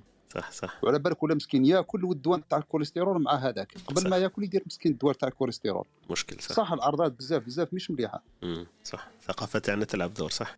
آه نفوتوا لخونا عبد الله يمكن طولنا عليه اسمح لنا. وخطنا خديجة في سياق ال- الحديث الدندنة تاعنا الصباحية اليوم اللي نحكيو فيه على محور الصحة. أهلا وسهلا بك آه، معنا أستاذ م- عبد الله أول مرة معنا يمكن تفضل. السلام عليكم ومساء الخير. عليك أستاذ طارق وهيبه ومساء الخير على الجميع. آه، موضوع جدا جميل وكنتوا كل تتكلمون على التغذية. وأنا بقول يعني وصية ربانية من الله سبحانه وتعالى كلوا واشربوا ولا تسرفوا.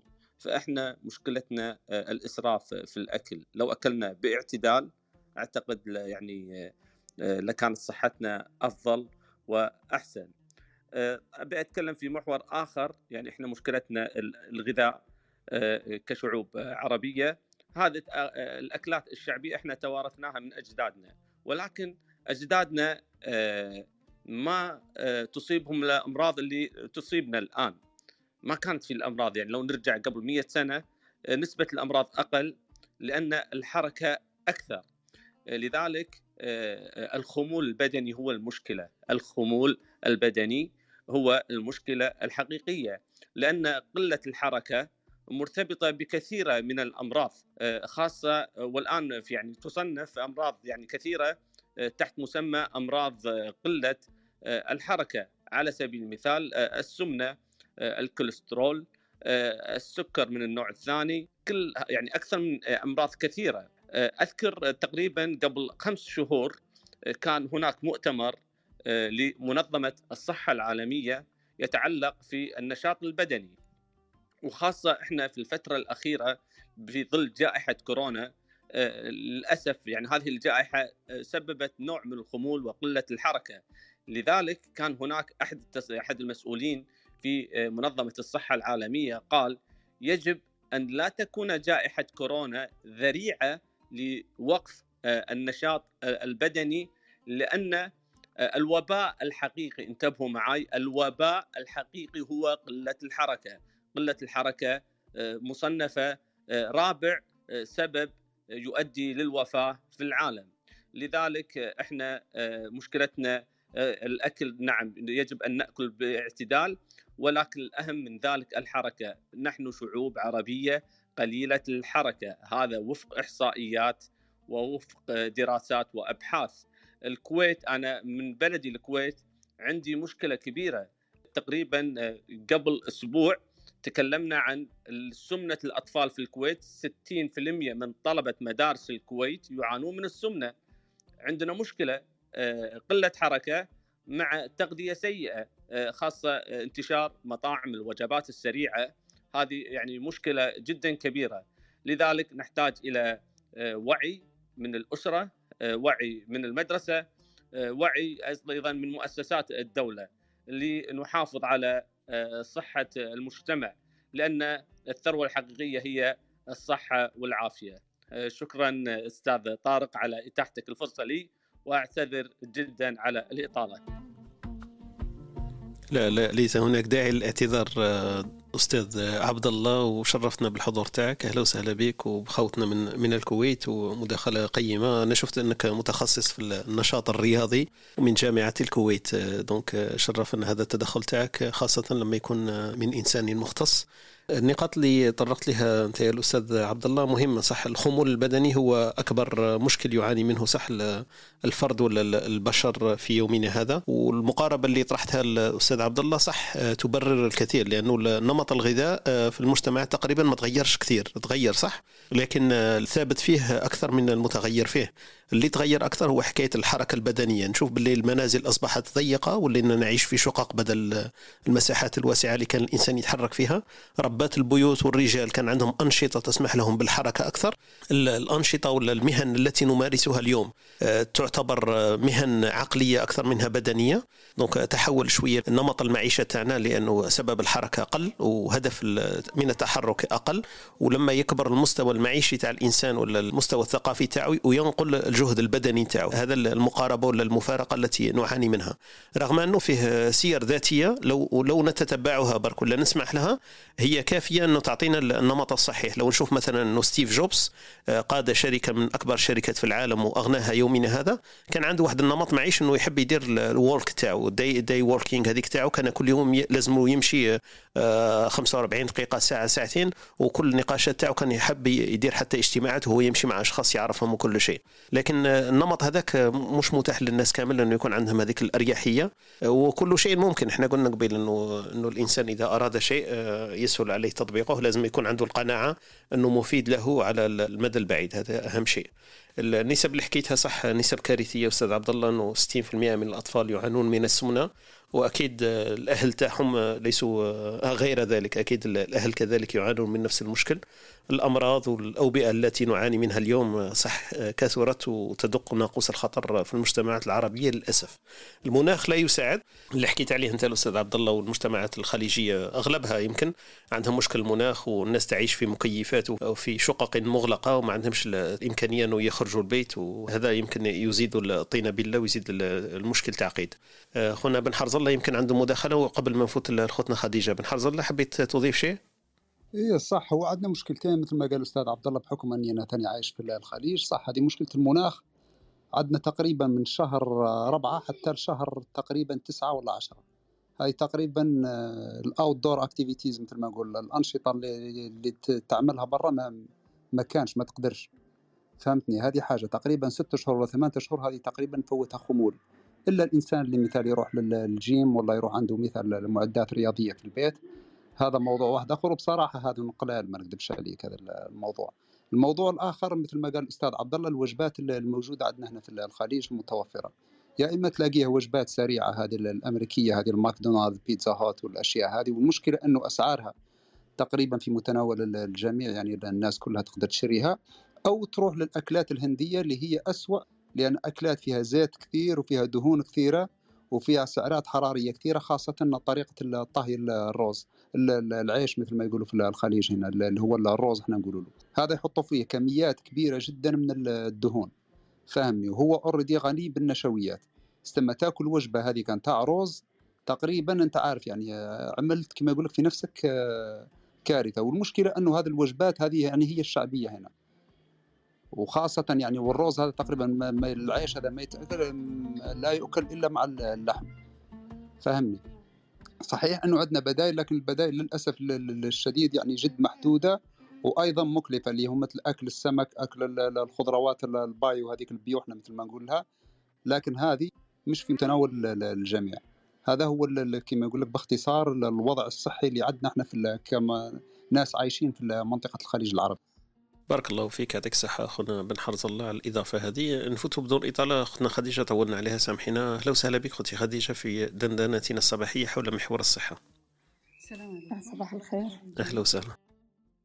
donc مداخلتي حتكون في ثلاثة أو أربع نقاط النقطة الأولى فيما يخص استهلاك أكبر مشكل في السمنة هو استهلاك السكر السكر بجميع أنواعه لأن ما كاش شيء طبيعي. وثانيا استهلاك الطحين الأبيض اللي هو في الجزائر نقولوا له فارينة.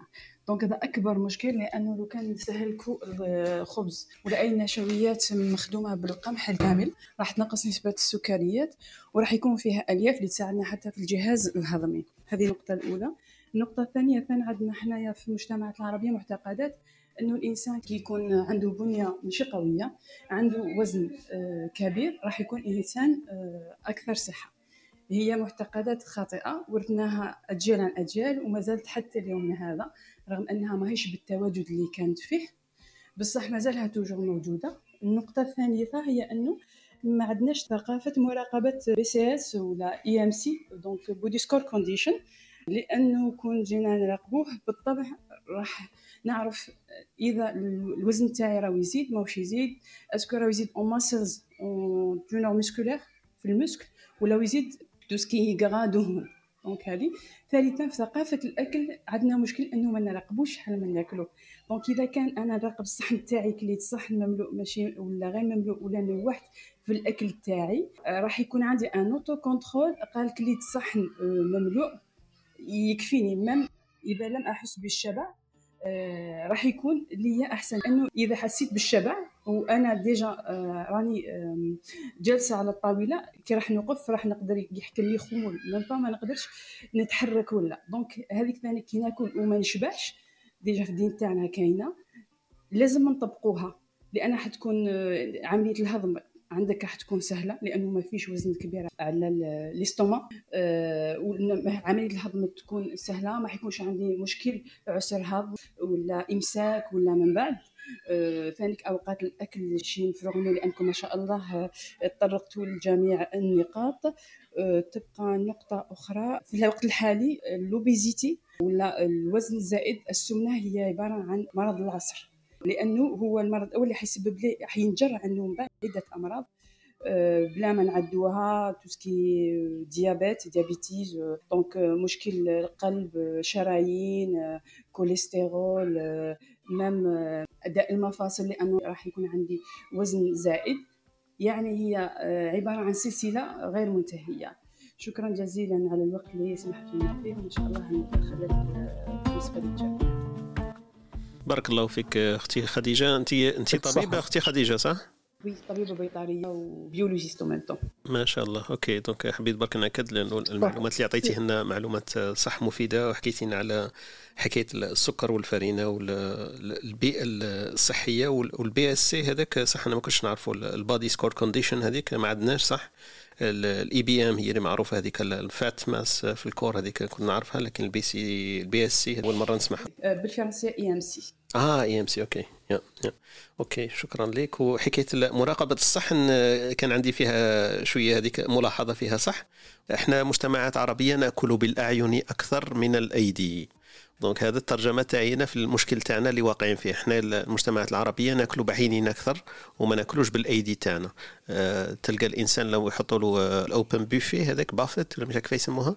بوفي المفتوح تلقى الناس buffet open buffet buffet يقول يقولوا بوفي ثاني بالإنجليزي ولا صح صح. or self-service self-service exactement صح. self-service تلاحظ المجتمعات العربية لو تروح مثلا الفنادق خمس نجوم ولا تروح في الحج ولا تروح في الأمور هذه العمرة وهذه الأمور تلاحظ أن المجتمعات العربية أكبر تبذيرا من المجتمعات الأخرى عليه لأنه ما عندوش هذيك ثقافة آه، لما تفرغ الصحن تاعك عندك إمكانية تملأه مرة أخرى. إحنا عندنا عيب لما تروح مرتين ثلاثة تشوفه يترددوا على البيفي هذاك.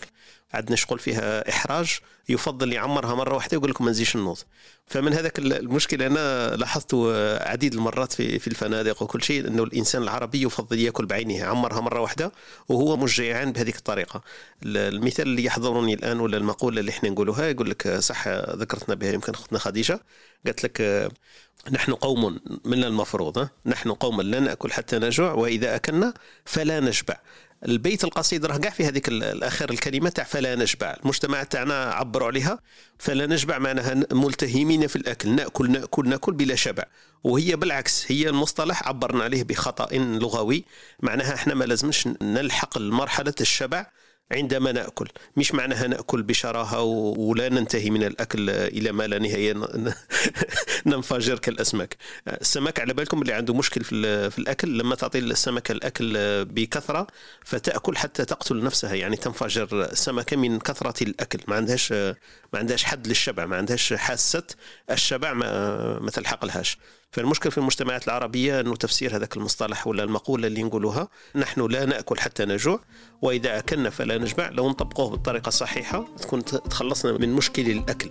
حبيت برك نوه أنه اللقاء تاعنا حول محور الصحة خصصنا جزء كبير يمكن على حكاية الغذاء وحكاية الرياضة لكن ليست هي المشكل الوحيد في باب الصحة.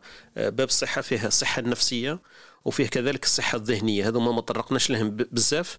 رغم أنكم حكيتوا أنتم واتفقتوا على أن السمنة هي داء العصر لكن الأمراض النفسية وال stress والقلق كذلك تعد من أمراض العصر إذا لم تكن في نفس المستوى مع السمنة فهي تقريبا يعني الفرق مش كبير بيناتهم. حكاية ال stress القلق والأرق الذي ظهر كذلك مؤخرا في الفترة الأخيرة من مصاعب الحياة وتغير في نمط الحياة الإنسان في العمل في البيت وفي في كل مكان تقريبا. هذه حبيت برك نخص لها يمكن شوية برك نحكيو عليها حكاية الصحة النفسية والصحة الذهنية للإنسان في هذا الباب ونختموا إن شاء الله اللقاء تاعنا.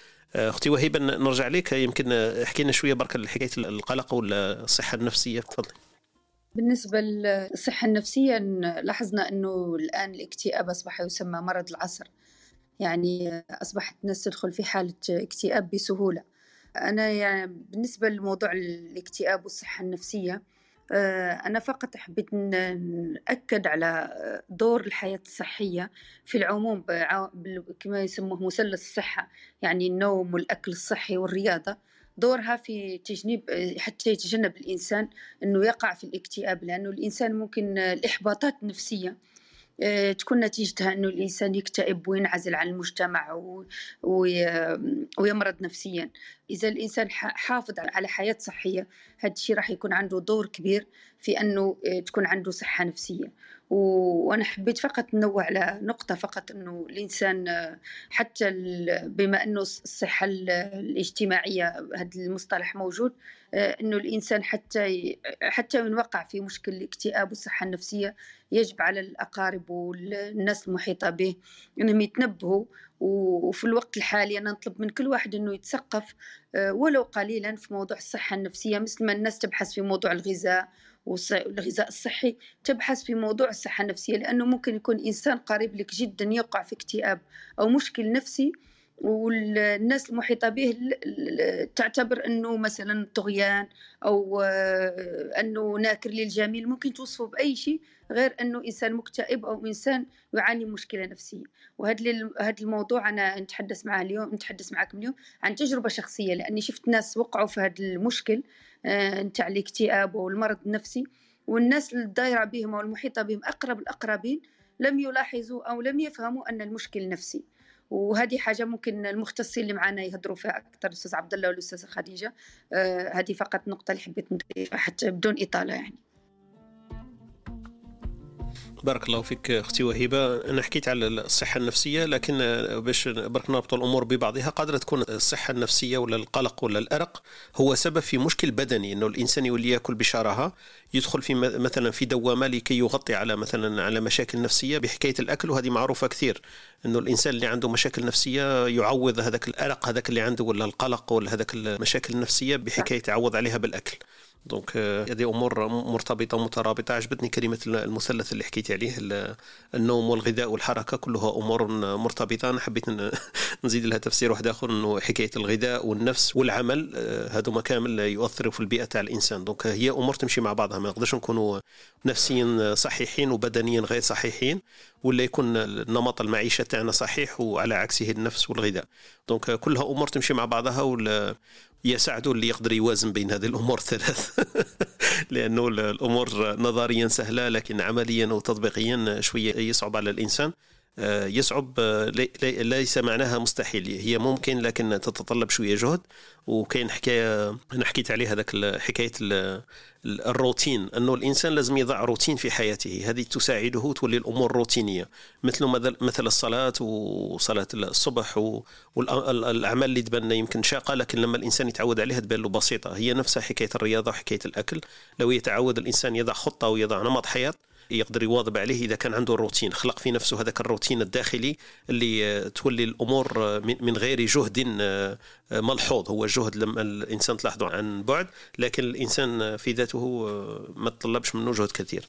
أخونا مروان آه، نفوت لك في حكاية الصحة النفسية هذه ولا صحه المحيط. تحكي لنا عليها شوية قبل ما نفوت إلى كما قلت لكم كلمات ختامية إن شاء الله. مروان تفضل. شكرا أستاذ طارق. كاين نقطة مهمة حبيت نشير لها كاين من من الظواهر الشائعة الانتشار حاليا هي ظاهرة السهر. يعني الناس أصبحت لو كان ما تسهرش ما تقدرش تعيش. الناس راهي تجيب حتى توصل حتى الوحدة اثنين ثلاثة تاع الليل وهي مازالهم سهرانين مع الفيسبوك مع مع التلفزيون مع الأفلام مع آه، اذا آه، السهر هذا يعني في اليوم الموالي راح يكون عنده تأثير. الإنسان ما حش يكون آه، في كامل النشاط. الإنسان ممكن ما في الاستيقاظ ما يتأخر يعني يرقد حتى ممكن حتى ال 10 ال 11 ولا. وبالتالي راح يلقى إنه الحياة اليومية راح تبدأ تأثر بالسهر هذا. السهر هذا آه، ممكن عنده مسببات آه، بزاف. ولكن النقطة اللي أشرت لها الأستاذ طارق إنه لازم يكون عندنا النظام اليومي الواحد يضبط الساعة تاعو إنه مثلا يستيقظ مع آه، في موعد صلاة الفجر يبدأ يومه في هذيك الدقيقة يبدأ ينجز أعماله اليومية. ما يأخرهاش للساعة العاشرة أو الحادية عشر وبالتالي راح يحس إنه هو اليوم تاعو طوال. يعني يحس إنه عدد الساعات اللي استغلها في اليوم آه، بدأ بالازدياد. آه، وهذه أكيد راح يكون عندها تأثير على الصحة النفسية لأنه راح تجنب الإنسان إنه يدخل في دائرة القلق والتوتر. وهذا وش عندي نقول وشكرا لكم. بارك الله فيك خونا مروان. آه، نقطة مهمة اللي حكيت عليها حكاية السهر في الصحة البدنية والنفسية تاع الإنسان. آه، نعاود نذكركم واحد المثال يمكن حكيته في حصة من الحصص هذه إنه عندي واحد صاحب صديقي آه، لما نزلت في عطلة الجزائر حكى لي قال لي أنتم تنوضوا بكري كيفاش ديروا؟ كذا قلت له عادي الناس قاعدين تنوض ستة ونص سبعة راهي برا قال لي على كدا يبداو الخدمة؟ قلت له على ثمانية. قلت له بصح هما يبداو العمل الدوام تاعهم على ثمانية معناها ثمانية غير عشرة غير أربعة راه في العمل مش يبدأ على ثمانية هو بادي على تسعة. في سياق الحديث حكيت له على كيما قبيل كنا نهضروا قلت له باللي ما نتعشاوش بزاف باللي ناكلوا غير شوية. وقلت له أنا عندي الوالدة عندي معها مشكل لما يلحق السبعة نقول لها وقت العشاء ولما التسعة ونص العشرة عندي الأولاد والزوجة كلش التسعة ونص العشرة لازم يحكموا المكان تاع النوم تاعهم. الوالدة تعبر عليها بطريقتها قالت لي أنتم ديروا كيما الدجاج. donc الدجاج يصحى باكرا وينام باكرا صح؟ وهو صاحبي هذا دار لها مقاربة واحدة أخرى. واش قال لي؟ قال لي أنتم كيفاه تنوضوا صباح الستة وتعودوا ترقدوا على العشرة وقلت له واه نديروا هكذا. والناس اللي تخدم كما قال خونا مروان اللي يخدم الصباح لازم له ينام بدري واللي ينام بدري لازم له يصحى ثاني مبكرا باش يروح العمل تاعو. قال لي بصح انت قال لي متأكد ما مش مسلمين هذول راك عايش معهم قلت له علاه مش مسلمين. قال لي قال لي هما ينوضوا وقت صلاة الصبح ستة ويناموا. قال لي بعد صلاة العشاء. قلت له إيه أنا نبهني لهذيك النقطة إنه صح ينوضوا في وقت الصبح ويناموا بعد صلاة العشاء. إحنا مجتمعاتنا نعمل كل عكس ذلك. donc بالعكس نسهروا في الليل كما كان يقول خونا مروان وفي الصباح هذاك نصحى وقت الظهر. donc ليس بالمنطقي بما كان. donc مجتمعاتنا بالعكس اتخذت الإسلام كشماعة والعادات وطريقه العيش كمسلمين افتقدنا لها للأسف. هذا صاحبي على بساطة تفكيره لاحظ هذه الملاحظات اللي أنا كنت عايش فيها لكن ما درتلهاش المقاربه اللي دارها هو. هذه برك حبيت ننوه بها حكاية الأكل وحكاية النوم عندها أهمية كبيرة جدا في صحة النفس وفي صحة البدن. فوت مباشرة يمكن إلى كلمات ختامية. نبدأ بختنا خديجة بما أنها اليوم أول مرة تساهم معنا وبعد الأستاذ عبد الله يعطينا كلمة ختامية. آه، أختي خديجة كلمة ختامية نختم بها اللقاء الصباحي هذا في حكاية الصحة. تفضلي. شكرا جزيلا هي ثاني مرة ندخل معكم. donc voilà نقول كلمة ختامية الجسم السليم في العقل السليم. donc اللي نبه ليها إنه صلاة الفجر كامل هذه كمان علميا يمكن تفسيرها. le système donc le système circadien c'est-à-dire parce que الصباح بكري يبدأ libération de cortisone et تبدا l'activité du corps donc كيف فالي نوضو ديك الوقت. وفي العشية le cortisone ينقص. donc c'est le moment de repos الوقت اللي نرتاحوا فيه. donc كلش راه مفسر عندنا. و c'est bien parce que ماذا بينا نوض الصباح؟ نصليو الفجر. déjà هي نوع من التامل يكون يصدر ننظموا الوقت تاعنا يكون مع نوع من التأمل. نصلي الفجر تاعي لأن حيكون فيه concentration تركيز نقرأ الورد تاعي اليومي. ومن بعد نبدأ النهار تاعي بنشاط يلحق العشية أه كل واحد برنامجه كل واحد وانشغالاته. أه voilà. ونقطة أخرى ونختم بها هي أنه الصحه النفسيه تأثر على الجسم بالطريقين سواء دير لنا anorexie anorexie هي نحافه ولا obésité هي السمنه يعني هنا لازم يكون اعتدال وشكرا جزيلا آه، للجميع على الموضوع. بارك الله فيك أختي خديجة. شرفتينا ثانيك باللقاء تاعك والمداخلة تاعك في صباحية إسبريسو الصباح. نفوتوا الأستاذ عبد الله كلمة ختامية في هذه الصباحية حول المحور. كيفاه بان لك اللقاء والموضوع تاع اليوم؟ تفضل أستاذ عبد الله. أنا يعني استذكرتني مقولة الفيلسوف اليوناني ابوقراط يقول مقولة شهيرة بأن المشي خير دواء للإنسان. آه، المشي طبعا من الأنشطة آه، البدنية المفيدة ولما نتكلم عن الأنشطة البدنية ليس لها فقط فوائد على الجسم أو نقص الوزن أو العضلات بل لها أيضا فوائد نفسية. آه، أستاذ طارق يعني أحد الأسباب الرئيسية لمرض الاكتئاب هو نقص ناقل عصبي يسمى بالسيروتونين هذا الناقل العصبي نقصه يؤدي إلى الاكتئاب والشعور بعدم الرضا واضطرابات كثيرة. أثبتت دراسات بأن ممارسة الأنشطة البدنية تزيد من هذا الناقل العصبي وتركز في المخ بنسب كبيرة. لذلك حينما نمارس الرياضة دائما ينتابنا شعور بالرضا بالسعادة بسبب تركيز هذا الناقل العصبي لذلك دائما ننصح بأن نمارس الأنشطة البدنية آه، ليس فقط من أجل فوائد بدنية بل آه، آه، لها فوائد نفسية كثيرة. شكرا لك ما بأطيل ويعطيك ألف عافية انت وجميع الأخوة والأخوات. بارك الله فيك أستاذ عبد الله كذلك وشرفتنا بالحضور تاعك وبالمداخلة تاعك التي كانت في المحور وفي الصميم وأهلا وسهلا بك في كل يوم. نفوت لخونا مروان كلمة ختامية في هذه الصباحية حول محور الصحه تفضل خويا مروان. شكرا أستاذ طارق والله سعدت كثيرا اليوم بالمداخلات تاع الإخوة اللي كانوا معنا وكانت الفائده كبيرة جدا وإن شاء الله نتمنى أنه التجربة تاعي الشخصية فيما يخص التخلي عن تناول السكر الأبيض. إن شاء الله نتمنى يكونوا الإخوة استفادوا منها. واللي يحب استفادة أكثر كما قلت كاين مجموعة على الفيسبوك اللي هي حياة حلوة بلا سكر. وكاين عندنا تاني في في الكلوب هاوس كاين يوجد نادي بنفس العنوان حياة حلوة بلا سكر. يقدروا يستفادوا أكثر معنا وشكرا لكم جميعا. بارك الله فيك خويا مروان. اليوم أبدعت عندك مصطلحات ما شاء الله مختارها بعناية أولها الجاهلية الغذائية مصطلح معبر عن نفسه والثانية قلت إن هذه حياة حلوة من دون سكر. donc ما شاء الله عليك وان شاء الله الناس تكون استفادت من التجربه حتى وإن لم تطبقها فتفكر فيها. على الأقل انه الإنسان يطرح السؤال على نفسه voilà الفائده تاع خونا مروان كيفاش أثرت في الحياة تاعو التوقف عن أكل السكر مبدئيا وينمي في هذه التجربة ليتوقف عن أكل الخبز الأبيض. donc voilà والآثار تاعو يقولنا باللي كان وزنه نعاود نذكر وزن تاعو من 130 إلى أقل من 90 ولا تقريبا 90 كيلوغرام. لكن ليس هذا هو الوزن. 96 96 نعم. ولا 96 كيلوغرام.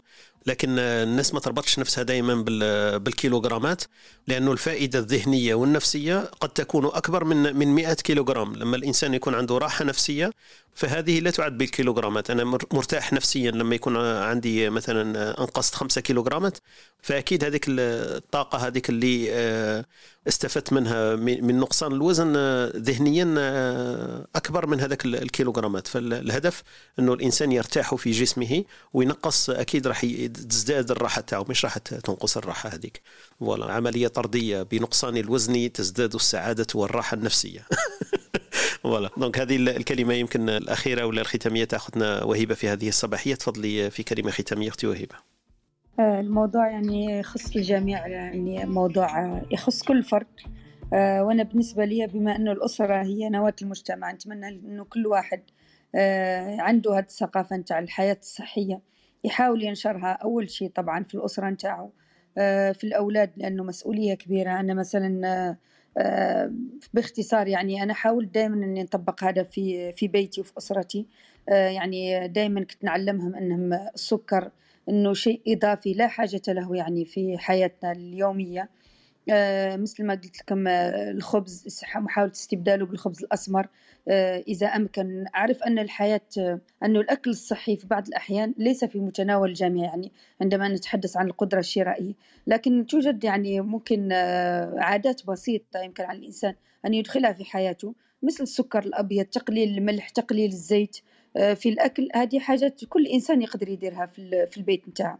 نعرف أنه مش في متناول الجميع مش كل واحد يقدر يشتري الخبز الأسمر آه، لكن على الأقل آه، أن لا نورث لأولادنا عادات سيئة مثل أنه كل شيء ممكن أن يؤكل بالخبز. نشوف بعض الناس حتى الأرز أو المعكرونة يعني يأكلوها بالخبز. من المهم جدا إنه الأولاد تكون عندهم عادات صحية وهذه حاجة نكررها. انه الإنسان التاثير نتاعو يبدأ من الأسرة. وثم يبدأ ينتشر للمجتمع آه، مثل ما شفنا عند الغرب عادات صحية في مجتمع بأكمله ممكن هذا الشيء نحققه في مجتمعاتنا اللي عندها بعض بعض الأحيان عادات مع الأسف. آه، إنه في مجتمعات كثيرة وأنا من الجنوب يعني في الجنوب عندنا إنه العشاء دائما بعد صلاة العشاء وهو المفروض إنه يحدث العكس. مثل ما قال الأخ إنه الأئمة آه، هم أكثر الناس يعطوا المثل للناس. تجد أنه الإمام في نفسه يطبق هذه العادة. دونك الناس كل في المجتمع طبقها مرة وهذه مسؤولية فردية نعتبرها قبل كل شيء أنه كل شخص يمكن على الأقل يأثر في المحيط نتاعه آه، حتى يساعد الناس على اكتساب عادات صحية يعني في كل شيء على العموم. وشكرا لكم والموضوع جميل جدا. شكرا لك أستاذ طارق شكرا لكل مستمع على الاستماع. شكرا. بارك الله فيك أختي وهبة كذلك. الشكر موصول لخوتنا اللي كانوا التحقوا معنا في هذه الصباحية لمحور دندنا حوله وفكرنا فيه فقط بصوت عال. كان معنا أساتذة والأخت خديجة مختصين والأستاذ عبد الله من المختصين لكن إحنا ما ناش أصحاب اختصاص لكن الموضوع يهمنا لذا طرحناه إن شاء الله نلتقي في رومات قادمة وفي لقاءات صباحية مع إسبريسو تولك. أترككم في رعاية الله وحفظه وإلى اللقاء.